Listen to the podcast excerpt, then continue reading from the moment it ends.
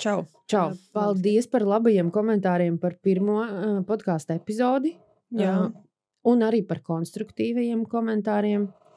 Es saņēmu vienu pārmetumu, kā uh, nav saprotams, kas es tāda esmu un ko es šeit daru un kāda man ir saistība ar zirgiem. Tad tev jāpastāsta. Es esmu vienīgais cilvēks un vienīgais latvietis pasaulē, kurš ir iedevis bučiņu un ielādējis lidmašīnā Latvijas Olimpisko zirgu valūru 643 vai 634 kg.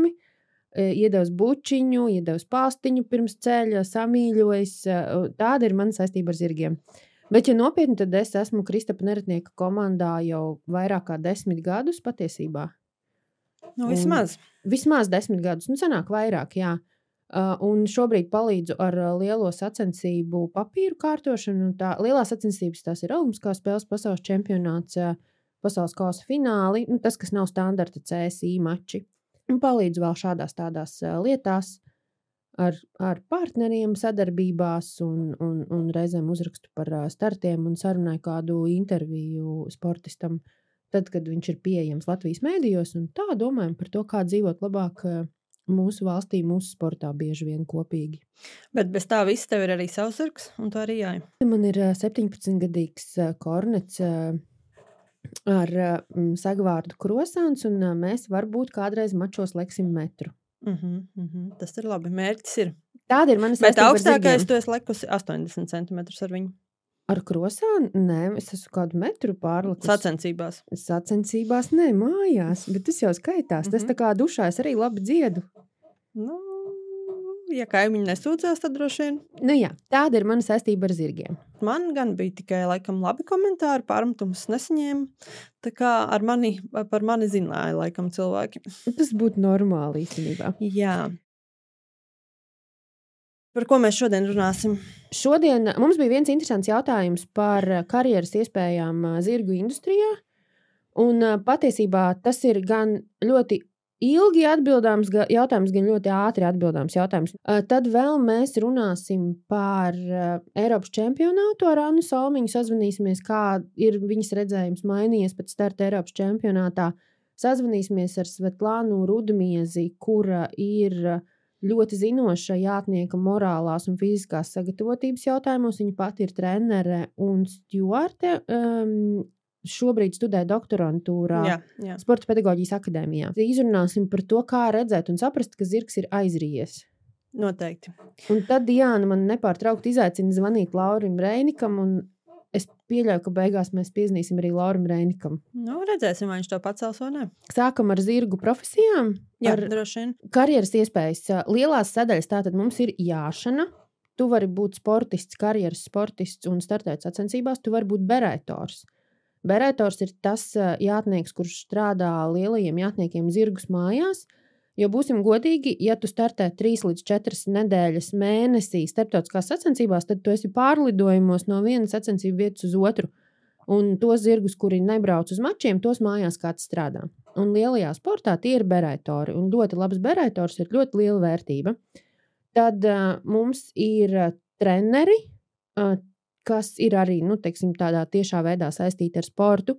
Tad, ja mēs ejam vairāk tādā staļļa dzīvē, tad mums ir palīgi, uh, mums ir zirgkopēji, uh, Kalēji. kalēji, stāļa izpratnē. Uh, tur jau mēs ejam tādā veterinārijas virzienā. Mums ir veterinārā ārsti, osteopāti, akupunktūras speciālisti, viss, kas ir veterinārā sadaļa, kur ir iespējas attīstīties. Ja mēs ejam uz sacensību virzienu, tad mums ir stūri, tiesneši, maršrutu sastādītāji, maršrutu sastādītāji asistenti. Mhm. Ja mēs ejam uz mēdījiem, publicitāti, PR, tad arī šeit mums ir ļoti liels iespējas, jo ir jāsaprot, kā tas zirgs ir jāfotografē un jāfilmē, lai viņš labi izskatītos, lai jātnieks labi izskatītos. Jāzina, kas ir labais tonis, tad arī mums patiesībā Latvijā nav tādu PR speciālistu, marketinga speciālistu, kas orientētos un saprastu tieši par jāšanas sportu, kā rakstīt relīzes, kam viņas sūtīt un, un kā labāk komunicēt. Ja mēs ejam jau tādā lielākā pasaulē, tad mums tur ir arī dzen, aģenti zirgu tirzniecības ā, jautājumos un starpnieki. Un tā ir liela lieta. Izsoles. Izsoles ir vēl viena karjeras iespēja. Ah, īstenībā vēl pie tādas ikdienas sporta dzīves ir arī šoferi. Jā, es gribēju teikt, transportēšana, Transportēšana, transportēšanas kompānijas jā. un tā tālāk. Jā, protams. Jo transportēšanas kompānijas, piemēram, arī tas jau tādā arī lielajā pasaulē, um, arī tie paši lidojumi ir atsevišķas transportēšanas kompānijas, kuras arī nodrošina zirgu pārvadājumus uz no lidostu, no karantīnām, kuras organizē karantīnas, kuras organizē un kārto visus veterināros dokumentus ar visām muitām un tam līdzīgi. Um, nu, attiecīgi tālāk jau pašam lidojumam, un kurš organizē šo lidojumu. Izsoles mums ir, bet par izsolēm mēs diezgan maz ko zinām. Es vismaz. Jā, es arī ļoti maz par izsolēm. Es vairāk zinu par to, ka, par to kad ir šeit stūrti, par cik es kādreiz biju par palīdzību Mm. strādājusi. Jā, tad veterinārā ar stūrti, kurš attiecībās maršrutu sastādītāji, ne tikai stūrti, bet arī cilvēki, kur strādā laukuma komanda. Jā, un nodrošina arī mm, nodrošina to, lai pareizā laikā cilvēks iet laukumā un tā tālāk. Tā kā viss šis ten arī dzen. Arī tiesnešu sadaļā tur ir sacensību sekretārs un tā tālāk. Nu, tas mm. -hmm. galds jau ir diezgan garš patiesībā. Uh, Mhm, tieši tā. Nu, protams, jāsaprot tas, ka jebkura no šīm pozīcijām lielākoties, jebkura prasa savu laiku, ir jāinvestē sevī naudiņa, lai to apgūtu. Par tām zirgu profesijām var googlēt un meklēt, kas tas ir un ko tas nozīmē. Kā kļūt par palīgu stūrtu, tur maršrutu sastādītāju. Kā tu kļūsti par palīgu, nu, tu vienkārši strādā, tu ej un strādā. Un, un tu sākotnēji lielākam jātniekam visticamāk esi otrais palīgs vai trešais palīgs. Nu, tas ir tas, kā es īstenībā sāku, jo es arī ar Diānu esmu bijis divas nedēļas Austrijā kad viņi pie Andrijas strādāja, un es biju tas cilvēks, kuram pasaka, atnes ūdeni, izved tačku. Nu, tādā līmenī tu sāc, un, un tad uh, tu vienkārši mācies uh, un, un sevi pierādi. Un jāsaka, ka palīga darbs ir arī ļoti labi atmaksāts, ja mēs runājām jau par um, ārzemēm. Palīgi pelna vairāk nekā veterinārā ārsti. Vairāk nekā veterinārā ārsti Latvijā ārzemēs strādājoši palīgi viennozīmīgi. Jā, tas gan. Jā. Jā, tās summas ir. Um, ir vietas, kur maksā 1000 eiro mēnesī, ir vietas, kur maksā 4000 eiro mēnesī, un uh, ir dzirdēts arī vēl lielākas summas. Plus uh, tas ir atkarīgs no vienošanās, bet uh, ir iespēja saņemt arī procentus no balvu naudām. Tas ir atkarīgs no tā, cik liela tev ir pamata alga, un, un tas jau ir tādās pavisam detaļās, ejot līdzīgi kā jātniekiem. Jā, um, jā atkarīgs tieši no tā, kāda ir īstenībā vienošanās ar zirga īpašniekiem. Kas mums vēl ir piebilstams par uh, zirgu profesijām? Mēs paši esam Diana, ir tātad veterinārā ārstu sadaļā. Jā, tu Un- esi pie menedžmenta un komunikācijas jā. uh, sadaļā. Tieši tā, un uh, tad brīvajā laikā, cik tas ir, tad mēs arī pajājam kādu zirgu Uh -huh. Pašas. pašas. Nu, ko zvanam, varbūt? Svetai zvanam. Tātad, kā jau Ilza minēja, Svetē ir daudz un dažādi tituli. Viņa ir ilgus gadus par treneru strādājusi un strādā joprojām Kleistos. Viņa ir arī Sanktpēterburgā strādājusi par treneri, gatavo zirgus sacensībām, pati piedalījusies gan konkursu sacensībās, gan ieādes sacensībās. Halo, Sveiki, labrīt, Sveta, Ilze un Diāna zvana. Čau! čau, čau. Nu, kā tev šis rīts? Fantastiski. Tikko brokastis uztaisīju. A, tu mēs tev iztraucējām brokastot. Nē, nē, es apvienošu un turpināšu. Cerams, ka tu neesi pikta tagad. Man, nē. Es parasti nebrokastoju, bet šodien man tā unikālā iespēja. Mēs zinām, ka tu esi ļoti zinoša. Kaut kā tas tā vienmēr gaisā ir bijis. Bet tagad ā, mēs sākām iedziļināties un, un skatīties, ā, ko tik tu neesi studējusi. Nu, ļoti visai iespaidīgi. Kas tev pašai no tā visa ir sirdī vistuvākais un par ko tu visvairāk dedz šobrīd? ā, Tieši par studijām iet runa. Nu, par tēmām, jā, kuras tu studē un, un kuras ir Par tavā. tēmām. Noteikti, noteikti tas, ko es tagad droši vien doktora disertācijā arī pētu un rakstu, jā, tas, kas ir saistīts ar sacensību darbību, sacensību darbības optimizācijas iespējām, jā. Un, un, un tajā skaitā tas ir saistīts ar metodoloģiju.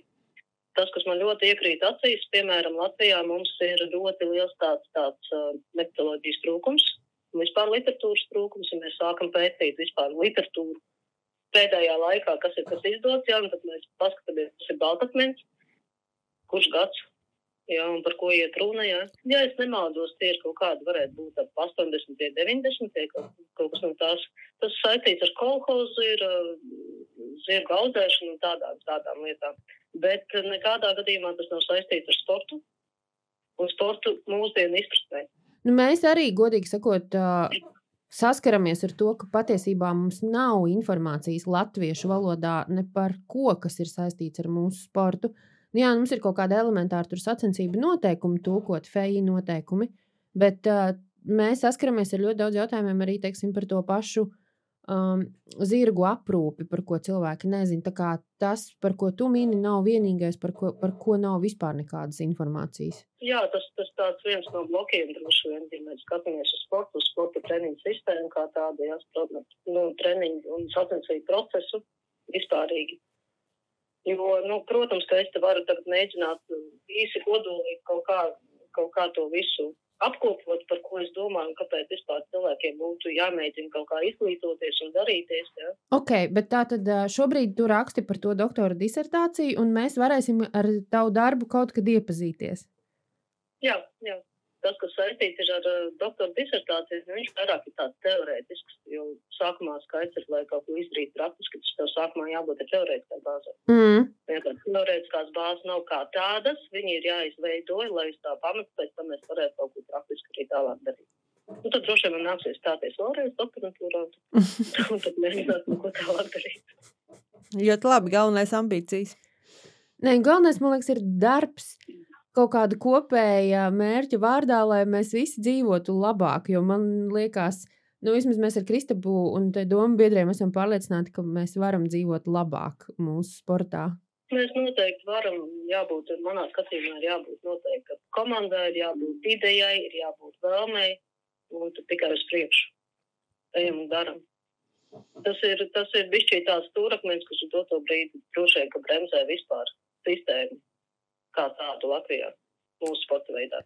Nu, labi, nebūsim negatīvi. Tik...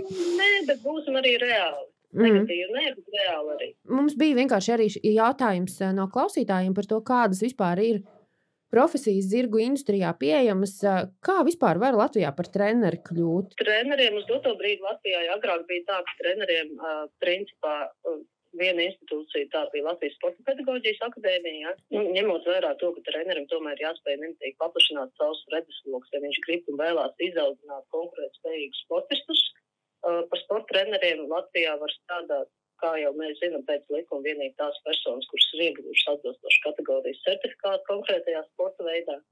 Uh, vai kuras arī ir ieguvušas diplomu par augstāko pedagoģisko izglītību sporta studiju programmā vai studenti arī, kas vēl studē, kas ir procesā.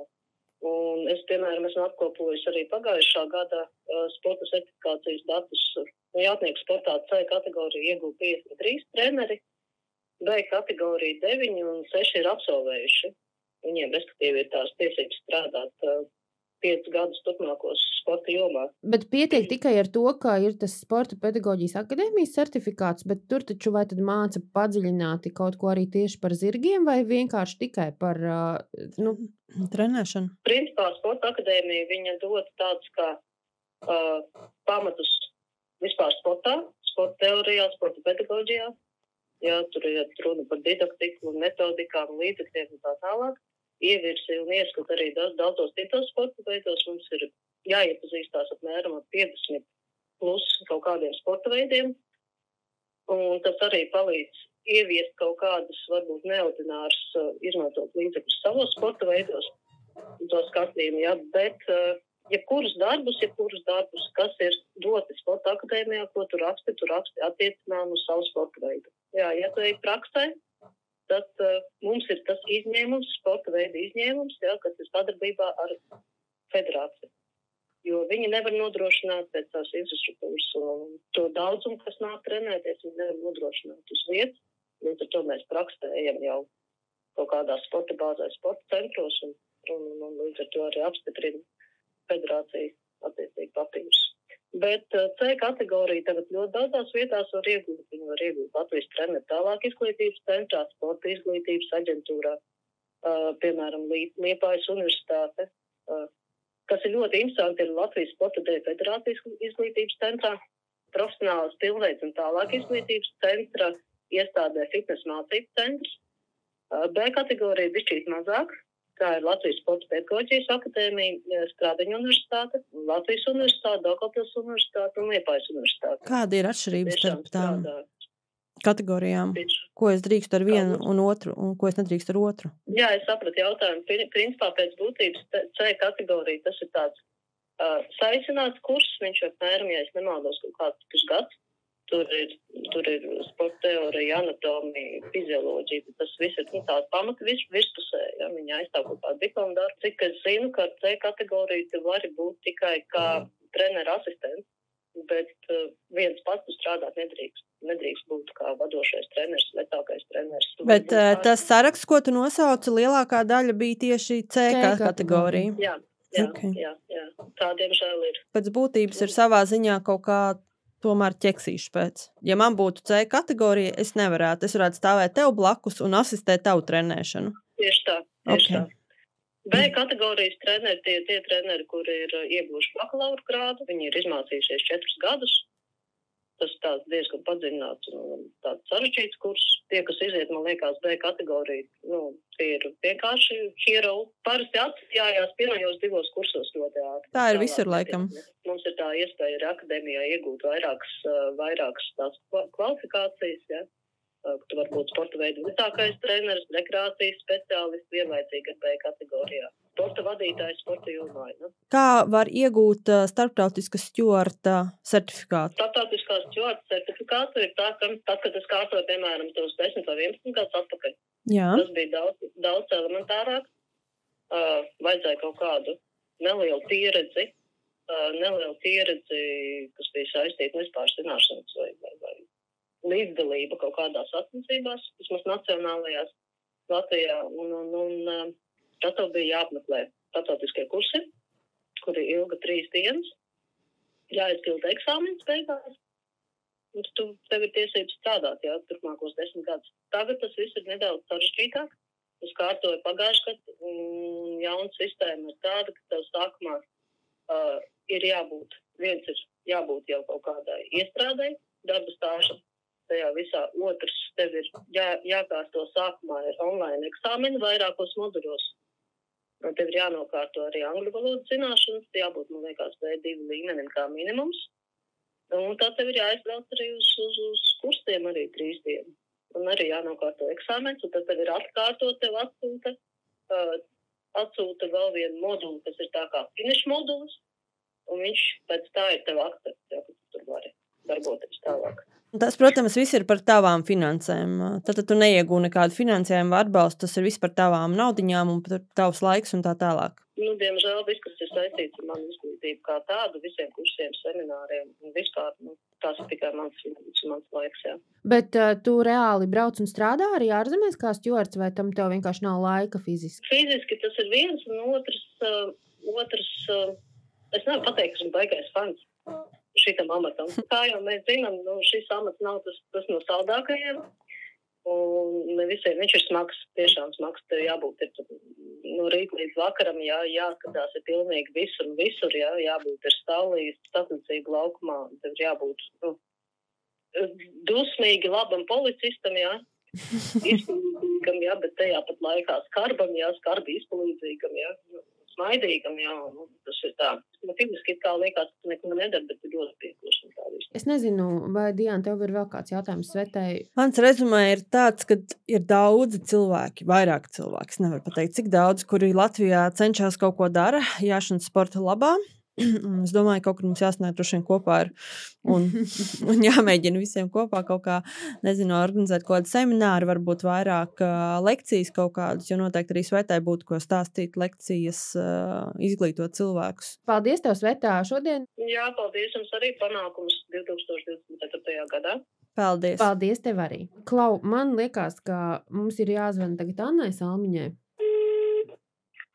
Halo! Čau, Anna, tev uh, Diana un. Ilza zvana. Čau! Jā, čau! Nu, kā tev skola? Ne- Neiztraucējām no stundām? Nē, man tieši tāds brīdis. O, lieliski. Lieliski. Uh, nu, mēs tev zvanām, jo mums interesē, kā tev uh, kā iespēja par Eiropas čempionātu, jo tu, tu šogad piedalījies Eiropas čempionātā bērniem, kas, manuprāt, mūsu sportā ir ļoti nozīmīgs un uh, liels sasniegums.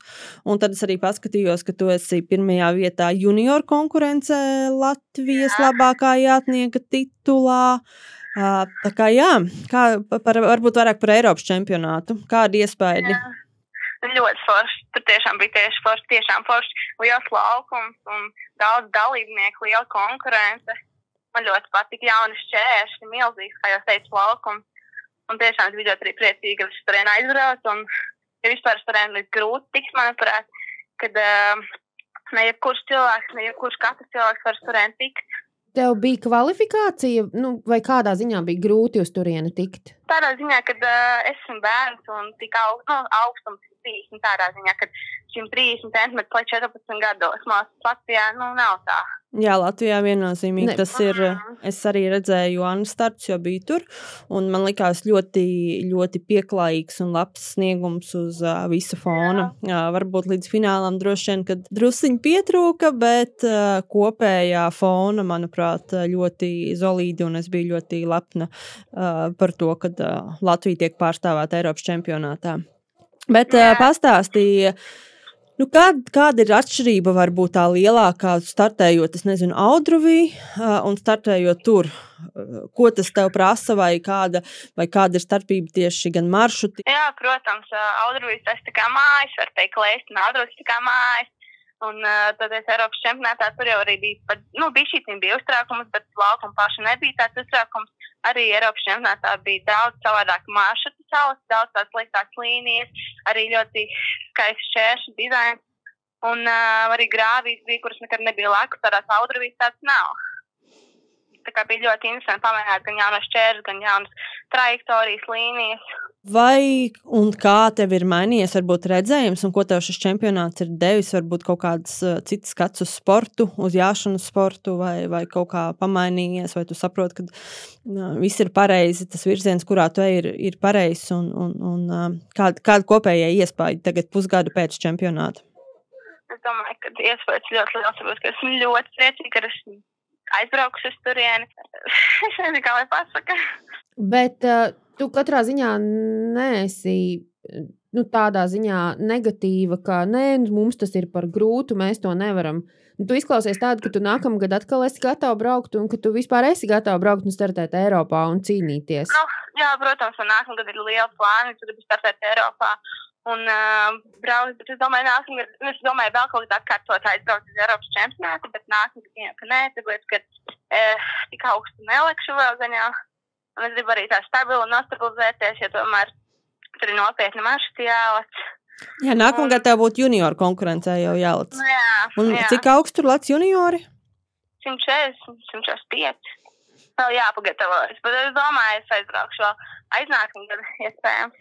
Bet rīktīgi forši ir tas, ka tu saki, ka tu brauksi un ka tev ir liela plāna un ka tu plāno startēt Jā. Eiropā. Mums vajag tādus jātniekus, kuri grib, lai ir grūti un kuri grib cīnīties. Jā, jā, jā. Es tiešām vēlos. Man ļoti patīk pa Eiropu braukāt, arī gūstu lielu pieredzi. Un arī tajā pašā Eiropas čempionātā es sapratu, to, ka es varu stabili lekt 30 centimetrus un pat uz augšu mēģināt, ka mēs tādā kā arī to varam. Nu, super. Un, uh, saki, tavi atbalstītāji lielākie ir tava ģimene, es saprotu pareizi. Jā, protams, mana ģimene. Tātad gan transportēšanā, gan, gan, gan startā, visās izmaksās un visā pārējā. Tad, principā, tas ir tāds um, ģimenes ieguldījums. Jā, tas ir nu, mana tēta firma, to visu man ir izdarījuši priekš manī. Protams, es gribētu arī kaut kādu sponsors un tā, bet mēs to tiecamies.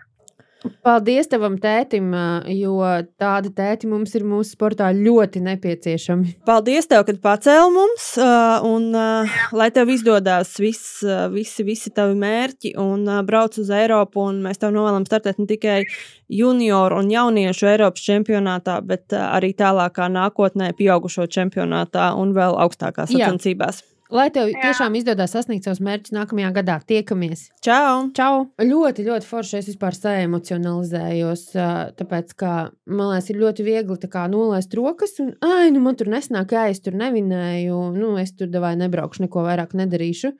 Bet man liekas, ka Annai īstenībā ļoti labi sanāk, un viņa ir arī, man liekas, tāds. Um, Mieres kaut kādā ziņā, nu, ok, es neesmu viņu ļoti ārprātīgi daudz redzējis startējumā, bet man liekas, viņa nav tas, tur, kurš trakoja nesanāk un met visu pa gaisu. Redz, es biju Eiropas čempionātā ar Lietuvas komandu, Mm -hmm. un arī palīdzēju Annai ar viņas zirgu. Un es tiešām vēroju gan lietuviešu bērnus, gan Annu. Man liekas, ka Anna bija nu, emocionāli, mentāli ļoti spēcīga, salīdzinoši mazāk stresa. Mm. To Mhm. varēja mazāk redzēt. Jo Eiropas čempionātā, tu, īpaši bērnu konkurencē, tu redzi visu. No prieka asarām līdz asarām, kad, kad ir nokrists iesildē vai maršrutā. Nu, tur ir visa emocija gama, un bērniem vislabāk var redzēt šo mentālo sagatavotību. Es domāju, gan. Un man liekas, ka Anna ļoti izolīti izturēja. Un tas ir ļoti būtiski šajā sportā. Es nu, vienīgais redzēju video, nu, ko viņa pati bija publicējusi, man liekas, un tiešām arī ļoti maršruti izskatījās ļoti pieklājīgi, ļoti zolīti. Tā, ka, tā kā lepnums, ka rekomendēta no Latvijas var lekt Eiropas čempionātā šādi. Jā, super. Nu, lūk, par ko mēs tagad? Mums kaut kas ir jāturpina. Ar kaut ko nopietnu vai joprojām vēl tādu? Brīvāku. Bet, bet zvans Annai bija ļoti Nā, nopietns. nē, un visi arī- zvani īstenībā bija ļoti nopietni. Ja jā. visi divi zvani. Es vienkārši nevaru sagaidīt to vienu Ko zvanu. tad? Nu, vai tu zvanīsi kādam vai nē šodien? Kam man ir jāzvana? Mēs visiem esam piezvanījuši. Vai tev pacels vai nē? Tu domā par Lauru Reini? Jā, Halo! Čau, Laura, kā tev iet? Man iet ļoti labi, paldies. Un tev? Man iet ļoti kolosāli. Tu tagad esi uzvarējis loterijā, un tev ir iespēja piedalīties manā un manas draudzenes Diānas Zirnītes podkāstā, kurš tā arī saucās Zirgu podkāsts. Un lielākā intriga bija tāda, ka vai tu pacēlis klausuli vai nepacēlis klausuli. Jo prezidentam tu nesot pacēlis klausuli. To visi arī podkāstu klausītāji zina. Un tagad sanāk, ka esmu tā kā foršāka par prezidentu tavās acīs. Jā. Viennozīmīgi, jā. Nu, nu klausies, gan Prezidents arī ir ļoti labs. un Vienkārši man nebija numura, no kā zvanīt. Bet tavs man ir, tas jau daudz ko nozīmē. nu tā tad tas daudz ko nozīmē. Tad mēs esam tuvi. Jā, mums ir attiecības, tuvas. Jā, Klausies, uh, bet, ja nopietni par nenopietno, uh, es esmu vairākas reizes minējusi, ka tu esi bijis uh, Latvijas čempions konkursā kaut kādā konkurencē. Jo man liekas, ka es kaut kur to esmu dzirdējusi, bet man nav ne jausmas, vai tā ir īsti patiesība, vai es izplatu baumas. Kā ir? tu neizplati baumas, es to esmu pats stāstījis. Un, ja vēl noteikti paraktos kaut kādos jau, nu, jau tagad jau digitalizētos uh, preses Es materiālos neatradu. no tiem laikiem, tad varētu atrast arī dienas sporta ziņās, laikraksta dienas sporta ziņās vai novada avīzē. Kad, tagad es tev nepateikšu precīzi, kurš tas bija gads. Man liekas, var, varbūt bija 93. gads, varbūt vai 94. vai 92. vai tas kaut kad. Es Nu, vēl Esi drošs, ka tagad mēs meklēsim. Tā bija Latvijas sacensības, jāšanas sportā. un Tajā gadā viņas notika TRVT. Un man bija, cik gadi man varēja būt? 13 vai 14. Un, un es piedalījos vieglajā klasē. Vieglā klasē ir kad, konkurā, kad ir šķēršļi līdz metra augstumam. Un, jā, un es gāju to visu maršrutu un uzvarēju. Un kā tev zirgu, kā tev zirgu sauca? Manu zirgu sauc vispār, es domāju, tas arī ir liktenīgi. Manu zirgu sauc Grēznums. Un tagad es vienmēr saku, košums bieži, bet tad man bija grēznums. Un, un es patiesībā man nevajadzēja tajā sacensībās piedalīties. Mm, Tajā sacensībās ar to grēznumu bija jāpiedalās tādam vienam čalim. Viņam vārds ir, bija, rit, nu joprojām ir Ritvars Ozols. Un tam Ritvaram mm, no, mm, tajā dienā bija kāzas.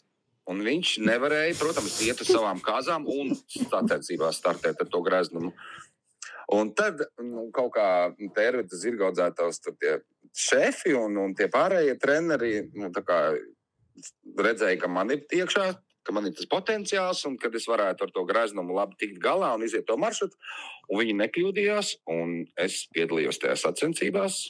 Un uzvarēju. Un tad uh, tas rītvars bija priecīgs, viņam kāzas labi pagāja, un es neapkaunoju viņa zirgu, un arī sevi nē.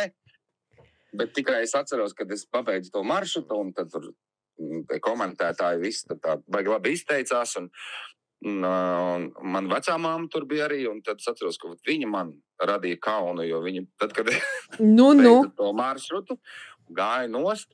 Es gribēju, kā tāds cēls sportists, tur tos, tos zirgus savu, tad, tad, tad, tad, tad aizrikšot atpakaļ, niecīgi steidzināt pēc tā iziet tā maršruta. Viņa man ar kaut kādu cepumu maisiņu un limonādi skrien, ka tagad man vajag cepumiņus paēst. Pareizi. Es saku, nedrīkst tā sportistiem nāk laktē prom un tiem cepumiem. Bet taču noteikti sastresojies, tev kaut ko tagad saudu gribās. Saku, ne tagad, kad citi redz pirms cepumiņiem. Kāpēc tu esi izniekojis šo tavu, savu potenciālu tagad, Lauri? Nu, tāpēc, ka es jau pašā saknē to īstenībā toreiz, kad es uzvarēju, pēc tam jau viss teica, o, la- žēl, ka Lauris beidza. Viņam bija ķēriens un viņam bija labs kontakts ar zirgiem, un viņam labi sanāca, viņam vajadzēja turpināt. Bet es jau nezinu, kāda tur būtu perspektīva, kā, kā jātniekam visu dzīvi dzīvot. Tas varētu būt kā, nu, kā blakus lieta, ko es esmu apgūlis. Jo pašā saknē jau es sāku nodarboties ar jāšanu sportu. Tērvetē, tāpēc, ka es gribēju būt aktieris. Es zināju, ka visiem aktieriem ir jāmāk jāt ar zirgu, kā filmā Vēla Kalpi. Kā jātnieks, tu neesi baigo karjeru izveidojis. Bet, nu, kā aktieris un dziedātājs, tur tev viss kārtībā. Nu, kā dziedātājam, viss kārtībā lielākajā man, manā pasaulē. No tavā pasaulē. Nav gal, tu neesi kaut ko dzirdējis, kas kā, kā tavu raidījumu producē to vadu. Nav gadījies. Tu, jā, tur raidījums arī ļoti labi, starp citu, vadīja. Man tā galvenā doma, ko es tev gribēju Nu? teikt, paldies, ir, ka man tas viss ir noderējis gan, gan uh, strādājot gan televīzijā, gan arī ak- aktieru lietas darot, gan realitātes šovos piedaloties, un arī pat pelnot naudu. Jo es pēc tam vēl, uh, tad, kad es pārtraucu, es vienkārši to nevarēju. Toreiz apvienot, jo es sāku mācīties Jālgavas mūzikas koledžā, bet, uh, kad man bija 18 gadi, tad es vēl vienreiz to atsāku. Un es izturēju konkursu, lai strādātu Amerikā, Ņūdžersijas štatā, amerikāņu bērnu nometnē, un es biju viņiem audzinātājs un arī jāšanas sporta instruktors. Kaut gan tas bija tā interesanti, jo mēs jau Latvijā mācījāmies to angļu skolu. Bet tad, kad es aizbraucu un ierados nometnē, es ieraudzīju, ka viņi visi tur jāja vesternu stilā, kas ir tā kā pilnīgi citādāk. Tur ar vienu roku abas divas pavadas jātur ir, un viņš atsaucās uz balss komandām. Kā man nedēļas laikā bija jāapgūst vesternijāšanas stils, kas ir ļoti vienkāršs salīdzinājumā. Un pēc tam es arī tad mācīju. Un tad tu arī to- vari vesterna stilā tagad jāt. Jā, es varu tēlot kolbojus. Tā ir brīva niša Latvijā. Jā, jo es nezinu vienu Latvijā vesterna stila jātnieku. Nu, es arī nezināju līdz tam, kamēr es pats to neiemācījos. Izņemot vienreiz skuteli, mēs filmējām Jāni ar vesterna sagliem. Es neatceros, kāds bija tas sižets, Aigars Bregžs viņu dublēja, tā kā bija jāliek šo. Un Busulis Inters arī ir manā zirgā ticis uzsēdināts, bet viņš pats gribēja, viņam vajadzēja ārēnas koncertā, reklāmā. Nu, redzi, bet es, nu, viņam vajadzēja reklāmā, bet es esmu zirgu, esmu jājis gan savā pirmajā lielajā šovā, kas man bija Ķīpselā. kas Arī ir atrodams, es jāju cauri ķīpselē, zirga mugurā un dziedāju New York. New York. Es jājis bez segliem, video klipā es skrienu. Es nu, man zirgi ir vis kaut kur bijuši, vēl, un vēl, es- vēl trāpījos. Man bija jādzied sacensībās vienā jāšanas. Atkal tā dziesma New York ar zirgu. Un, un kad es nokritu no tā zirga, jo man kāja aizķērās aiz, aiz kakla, es gribēju jocīgi nokāpt, interesantāk no tā zirga. Nevis pa aizmuguri kājām, es bet pa priekšu. Bet es nebiju aprēķinājis, ka man bija baigi šaurās bikses. Tu gribēji kā elegantāk, bet tev sanāca atmiņā paliekošāk. Atmiņā paliekošāk, un tā, ka visiem elpa aizrāvās, un tā, ka tas video, kur es dziedu, un nokrīta no tā zirga, aizgāja pa visu pasauli. Man pat no Spānijas sūtīja, ka bija Spānijas fanijas video, un man lidoja no vēstniecības darbiniece no Austrālijas uz Ķīnu, un viņai lidmašīnā. Nika filmas var skatīties. Jā, jā. Vienā komēdijā raidījumā pat man šis kritiens, ka Latvijam tur famous singer falls off the horse. Un viņi saka, oh my god, I just saw you in my plane. es saku, Bet ko es darīju tavā lidmašīnā? efekts tika panākts. Jā. Nu, labi, tā tad um, paldies Tā tev. tas viss, ko tu dzirdēji, tā ir taisnība. Un, Nu, labi, Laura, mēs izdomāsim, kā tev ievilkt atpakaļ tajā zirgu dzīvē, jo reku tava kaimiņiene Samanta jāja, un Dināra jāja, un Rūta jāja. Labi, es viņas, un, un viņas tā kā gan pa tūkstnesi, man liekas, vairāk vai pa mežiem. Bet, uh, Samanta pa mežiem, tad vēl nokrīt un izlauž kāju samežģi. jā, jā, bez ķīveres. Es viņu ritīgi salamāju. Jā, es arī nezinu, skatos, ka viņš, man patiesībā arābu zirgi, vismīļākie zirgi, es pats esmu nu, izaudzinājis divus un arī iejājis arābu zirgus savulaik. Un pat vārdu devis. Oho, Zini, pasaki, tagad pasaki. Nu, es nezinu, kā citās zirgaudzētavās tērpē savulaik bija tā, ka piedzimst mazais kumeliņš, tad tam kumeliņam jādod vārds. Un tad pirmam burtam jābūt no tēva, un mātes burtam jābūt kaut kur pa vidu. tur ir Un tagad- kā kurā cilts grāmatā īstenībā, tāpēc ka Latvijā, man liekas, vēl aizvien tā ir, mm. -hmm. bet, piemēram, Holandē viņi tur randomā izvēlās. Šogad mēs visus zirgus sauksim uz M burta, un visi, kas oh. piedzimst, ir uz M burta. Un uh, holandiešu un beļģu zirgi tagad ir ar visneizrunājamākajiem vārdiem. Bet Ā. mums arī agrāk tā bija kolhozā, ka tādā veidā deva vārdus. jā, A, pasaki, lūdzu, tagad, eh, kā tavuprāt, es nosaucu to kumeliņu. Viņam tēvs bija augsnis. Un māte bija piezīme, kas bija mans tā piezīmē piedzimu kumeliņš. Un es biju viņam krustās. Un kā es viņu nosaucu? Jo pirmais būs ir A un pa vidu ir P.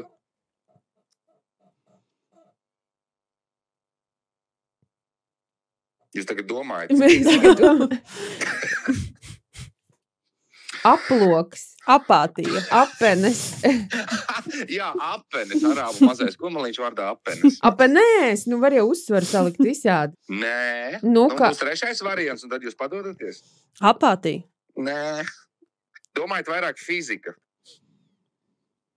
Man bail to jau saukt tālāk. Nu, tad, okay, mēs Labi, padodamies. Tēvs bija augsnis, māte bija piezīme, un es mazo kumeliņu nosaucu ļoti skaistā vārdā Ampērs. Ampērs, okay. Ampērs ir laba ideja. Ļoti laba ideja. Jā. Malacis, malacis, Laurijas. Labi, Jā, klausies. paldies. mm, Man liekas, ka mēs tagad varam beigt šo sarunu, un mēs varam sākt schēmot, kā ievilkt tevi atpakaļ tajā mūsdienu zirgu pasaulē. un Man jāatcerās pārbaudīt, vai Samants ir nopirkusi ķiveri, jo es viņai vairākus linkus aizsūtīju, kur var iegādāties ķiveres. Jā, Paldies, tev, ka tu pacēli un ka es esmu tev tuvāka par prezidentu. paldies. Tas silda sirdi. Jā, turpiniet, jā, turpiniet būt zirgā. Tu arī turpini būt zirgā. Paldies, paldies. Laimīgu jauno gadu! Uzredzēšanos! Laimīgi jauno gadu visiem. Čaviņā! Atā. Tā. Nu, es vairs nezinu, ko teikt vispār. Man nav vārdu, un nezinu, vai es vēl varu parunāt par aizrīšanos. Tā tad no veterinārijām tēmām mums bija plānā runāt par aizrīšanos. Precīzi, jā. Man vienu reizi bija gadījums. Tev pašai. Manam Vai zirgam, zirgam? manam zirgam bija gadījums. Es izvedu viņu atsaitēs, un es redzu, ka viņam teks iekals, Mm mm. nu, kas parasti zirgiem netek. Un uh, es nesapratu, kas ko kā. Mm, es toreiz zvanīju gan tev, gan Danai, un Dana man pacēla. Man tur toreiz. nezvanīja. Noteikti. Man liekas, Varbūt zvanīju vēl arī nebiju tev. veterinārārs, un tu man nezvanīji, jo neuzskatīji par svarīgu man zvanīt. Noteikti. Varbūt. Nu, es tev parasti zvanu. Nu, izņemot to reizi. Es zinu, ka toreiz pacēla Dana. Uh, un uh, viņa teica, ka iespējams viņš ir aizrījies. Uh -huh.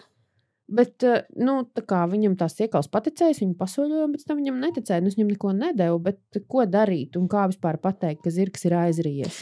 Nu, tātad, kas ir barības aiz, kas ir aizīšanās? Tad barība, tā ir barības vada nosprostošanās ar kaut kādām barības masām. Siens, salmi, muslis, auzas, mieži, granulas, jebkāda barība. Principā arī burkāni. Ja? Retāk tas, protams, ir ar kaut kādiem sveš, svešķermeņiem. Kad tas notiek, nu, visbiežāk tas notiek tieši, kad jūs to pamanāt, kad jūsu zirgs ir pā, paēdis. Tā kā tu teici, tavs zirgs jau iekalojās. Jā, es saprotu pareizi. Mhm. Nu, tās ir biežākās pazīmes, kad zirgs iekalojās un viņam caur degunu, caur nāsīm nāk arī tad, tad, putains, gļotains uh, saturs. Un tie izdalījumi var būt no baltiem līdz pat zaļiem. Nu, tā kā ja tavs zirgs būs aizrījies, es nezinu, ar uh, zāles kunkšķi, tad tie būs mm. -hmm. loģiski zaļi. Ja? Mm. Parasti, kad viņi aizrījās uzreiz pēc aizrīšanās, viņi paliek nemierīgi.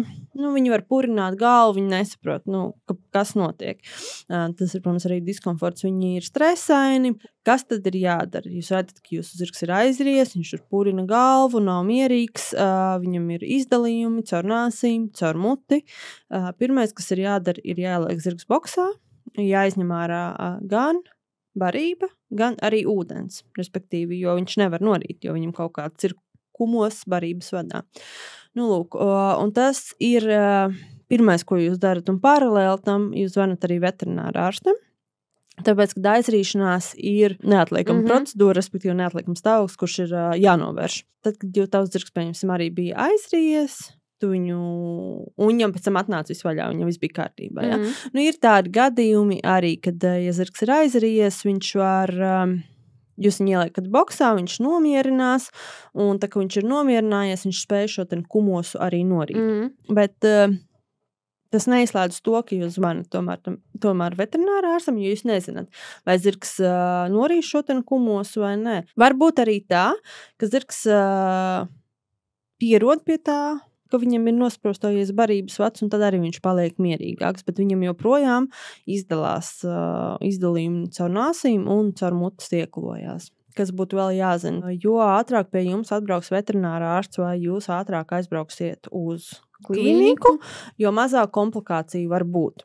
Kas var notikt? Kas ir sliktākais? Tas var letāli beigties. Jā, Tas var, var, var būt nu, kā komplikācijas. Jā, es nosauksim, pirmā no komplikācijām būtu aspirācijas pneimonija. Ko tas nozīmē? Ko tas nozīmē? Tas nozīmē to, ka tās siekalas, vai ja nav izņemta barība un cirks ir aizries un mēģina joprojām ēst, tas viss, tam visam kaut kur jāpaliek. Mm -hmm. Un mhm. tas nonāk uh, trahejā un plaušās. Mm -hmm. Līdz ar to izveidojās pneimonija. Un nu, pneimonijām var būt dažādas smaguma pakāpes. Ja?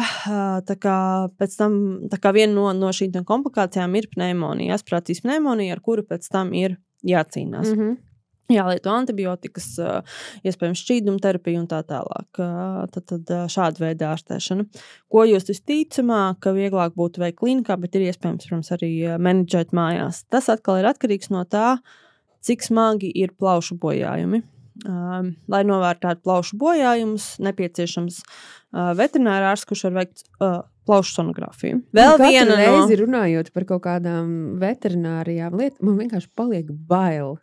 ļoti labi. Ļoti labi. Labāk varbūt nerunāt par to.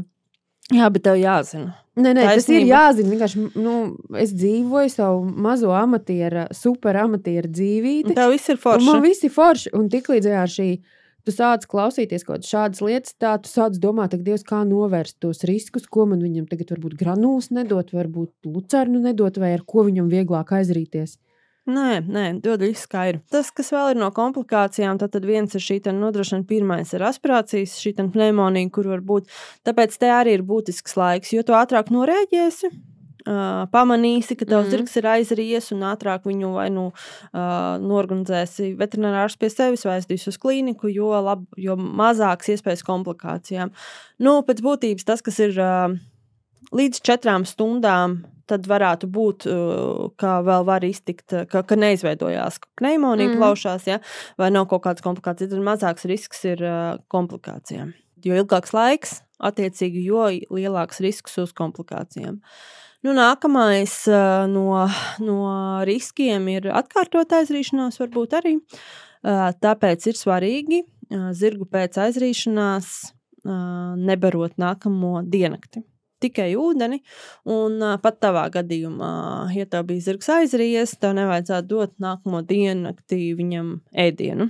Nabaga zirdziņš. Nekas var iztikt. Nu, tāds smagākais, bet tas jau būs pie tādām ilgām aizrīšanās epizodēm, ir barības vada bojājumi un sliktākā gadījumā arī barības vada plīsums. Bet tas ir tāds jau. Varbūt mazliet retāk.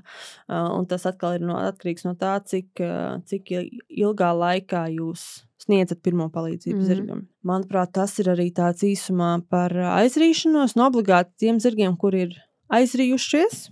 Nedēļa pēc tam ir jāmēra temperatūra. Ja būs tātad pneimonija, zirgam paaugstināsies arī temperatūra. Par temperatūras normām mēs jau izrunājām pagājušajā reizē. Par temperatūras normām mēs zinām. Tātad mums Instagramā aptaujā lielākā daļa no tiem, kas atbildēja, gan atzina, ka vēl nav sanācis neko izdarīt, bet bija arī tādi, kuri teica, ka kaut kas ir izdarīts, kaut kas nav izdarīts. Es godīgi atzīstu, ka es esmu tikai samērījusi temperatūras, un tas bija kaut kur no 37,5 līdz 37,7 kaut kas tam līdzīgs, bet es neesmu atradusi īsto kladi. Jo man liekas, ka tām normām vajag atsevišķu kladi, varbūt ne pilnu īstu kladi. Tad man tur ir idejas, ka varbūt mums vienkārši vajag samaketēt tādu atsevišķi A5 lapas, kuras nu, A4 pārloku mm -hmm. kopā ka tu vari izprintēt un pielikt klāt kā atsevišķu sadaļu, teiksim, nu, plānotājiem A5, un ka tev viņš visu laiku ir blakus, tev nav tā kā tavā cilvēku dzīves plānotājā, bet tev ir atsevišķi tās normas, vakcīnas, bet ka tev viņš visu laiku ir līdzi. Uh -huh, uh -huh. Um, sevišķi, nu, kā, kā man, kas ir, kam ir tur viens vai tādiem jātniekiem, kam tur viens, divi zirgi, kam, kam nav vesela rindā, varbūt tas ir vieglāk. Es neesmu izdomājis, jā, kāda būtu tā labākā schēma. Um, Bet, ja, ja mēs izdomāsim samaketēt tādu atsevišķu ielikni plānotājā, tad uh, mēs droši vien ar to arī padalīsimies. Tad katrs varēs izprintēt un, un likt savu. Tā ir laba ideja. Kā Tā vēl vienkārši nu, dažas lapas klāt. Un vakcinācijas es izpētīju, ka nu, tur man ir bijis šī iztrūkums kalendārā, un jāsāk no jauna tas cikls īstenībā. Mm -hmm. ir. Mēs gan starptautiskās sacensībās nestartējam, bet nu, uh, Arī Audruvis manā līmenī ir starptautiskas sacensības. Un tās ir ārpus Latvijas. Vai mēs kaut ko neizrunājām? Nu, man liekas, ka tā lielā, lielos vilcienos mēs izrunājām. Es nezinu, varbūt man vēl jāpastāsta, ko ārsts atbraucot pie tādas zirga aizrīšanās Aiz... darītu. Viena lieta ir tā, ka zirgs noteikti tiks, zirgam noteikti tiks ievadīta sedācija. Jā, viņš būs tad, tad nosedēts, un otrs viņam noteikti veterinārā ārsts liek nazogastrālo zondi, citiem vārdiem to trubiņu caur es to esi redzējusi. Manam nabaga krosānam Diana ir bāzusi to trubu nāsī. Mm -hmm. Nu, lūk, un tad ar to arī, un, un laižot ūdenī pa drusciņai caur to trubiņu mēģina skalināt tās masas, kuras ir nosprostojušās barības vadā un lēnu garu. Tātad, uh, atbrīvot šo barības vadu no, no nosprostojuma. Vēl patiesībā ir viens ātrais jautājums. Kāds ir tavs skatījums, ja zirgs rīk gaisu? Agrāk bija tā, ka tas likās, oi, oi, tas ir šausmīgi, šausmīgi, šausmīgi slikti. Lika tur tās siksnas ap kaklu un, un kaut kā mēģināja to zirgu ierobežot. Kā ir šobrīd? Tur joprojām ir dažādi viedokļi, bet viedoklis, ar kuru es dzīvoju, ir tāds, ka nu, tad, uh, man ir zināmi vairāk zirgi, kur ir gaisu, un viņi to ir darījuši visu savu dzīvi. Mm. Un uh, kaimiņi no viņiem nav iemācījušies. Mm. Tas ir viens, kas ir uh, viens no tādiem, nu, es domāju, ka mītiem, kad, uh, ja mans, rīs, mans zirgs rīk gaisu, tad tavs ar to noteikti iemācīsies. Un uh, šīs siksnas ap uh, kaklu, manuprāt, uh, zirgam vairāk rada stresu nekā nu, neērti viņam ir. Stress. Viņš nevar mm -hmm. darīt to, ko viņš tajā mirklī fiziski, nu, kas viņam ir nepieciešams. Un viņi var palikt uh, nervozāki. Tas ir, uh, tas, uh, tas ir uh, viedoklis, ar kuru es dzīvoju. Uh, un esmu pārliecināta par to, ka uh, tas tā arī ir. Nu, tas ir arī tas mūsu komandas viedoklis, arī praksē pierādījies mm -hmm. īstenībā. Tā tad mēs izrunājām par profesijām, ieskicējām par profesijām. Mēs sazinājāmies ar Svetu, mēs sazinājāmies ar Annu. Mēs sazinājāmies ar Lauri. Mēs sazinājāmies ar Lauri. Mm -hmm. Mēs izrunājām par aizrīšanos. Um, vai ir vēl kas, mums nebija vairāk nekas plānots. Mēs varam vienkārši paļurināt uh, tagad par dzīvi. Uh, un uh, par to, ka mēs bijām ielikuši aptauju uh, par, to, par maksas saturu. Jā, jā. Jo būsim godīgi, nu, lai, lai tā nopietni sagatavotos, tam ir jāvelta laiks un stundas, kuras mēs tad neveltam citā darbā strādājot. Uh, un, uh, mums ir jau pieejamas trīs epizodes no iepriekšējiem semināriem, kurus mēs varam publicēt, bet kā maksas satura. Un uh, mums aptaujā atbilde bija, ka lielākā daļa, kaut 93% vai virs 90% saka, ka, nu, ja tā abonēšanas maksa mēnesī ir līdz 5 eiro, tad tas ir ok. Uh -huh. Un uh, mēs varētu iet ar to, ka pirmo publicēt uh, sarunu, kas mums bija ar Jānu un Ivetu par barošanu.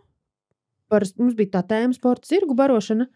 Bet uh, es domāju, ka tie cilvēki, kam bija jautājumi par barošanu, atradīs atbildes tajā, tajā seminārā, ierakstā. Un tad mums ir saruna ar Ivetu par uh, sporta zirgu aprūpi pēc lielas slodzes. Man liekas, tāds bija tas uh, nosaukums. Uh -huh.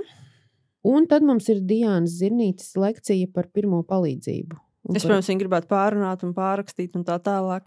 Nu, es esmu televīzijas producents, samaksā man, es varu noproducēt visu pārrakstīšanu, visu. visu. Vienosimies pēc ētera. Kas tavā pasaulē notiek nākamajās nedēļās, ko tu darīsi? Oh, wow, es atbraucu vakar no Igaunijas, uh, kuras bija trīs dienas strādāt. Uh, nu, turpmāk manā pasaulē ir darbs klinikā un darbs pie klientiem. Mm, ok, nekur nebrauksi vairāk. Nē, tagad nē. Tagad nē. Uh, un tavā pasaulē? Tavā pasaulē visādi šoviņi daudz. Mm. Manā pasaulē mums tūlīt beigsies paudžu duels, ko Lauris Rēniks vada, kā viņš pareizi uh, iezīmēja. Un tad ir uh, trīs zvaigžņu balva, tas būs 17. janvārī. TV3 tiešraidē es gribu aizbraukt uz sacensībām, iespējams, uz Sopotu aizlidošu. Dubaja? Šobrīd. Šogad. Es gribētu īstenībā. Bet Kristaps tur būs janvārī, februārī, jāstāsta februārī. Nu, tur arī tas februāris ir tāds jocīgs. Nu, vispār neko nevar saplānot. Nu, labi, tad jau mēs laikam tiekamies nākamgad. Es iešu uz Ozola koncertu 28. decembrī Foršas arēnā. Obligāti iešu. Man, nu, es mīlu Ozolu, man viņš patīk, viņš ir kolosāls. Tu atzinies mīlestībā. Ne, es viņu platoniski mīlu. Nā, ok, labi. Tur nekas vairāk. Nē, vienkārši tas, kā viņš strādā un, un kā viņš var noturēties, cik, cik gadus tajā nozares virsotnē. Nu, viņš ir tiešām tā scēnas, kaut kādā ziņā liels bīdītājs. Viņš ļoti palīdz arī jaunajiem um, hip hop scēnas dalībniekiem, ko es ļoti cienu. Forši. Ozols Malicis. Forši. Labi, tad lai tev labs koncerts. Paldies. Čau. Nu, čau, paldies visiem. Tā. Atā. Čau! Tas ir Mārtiņš Spuris. Jūs paveicāt? Jā, viņš Labs. mums palīdz. Jā, Jo šī īstenībā ir Mārtiņa studija, un viņš raksta šeit arī podkāstu Laika, laika kapsula. kapsula.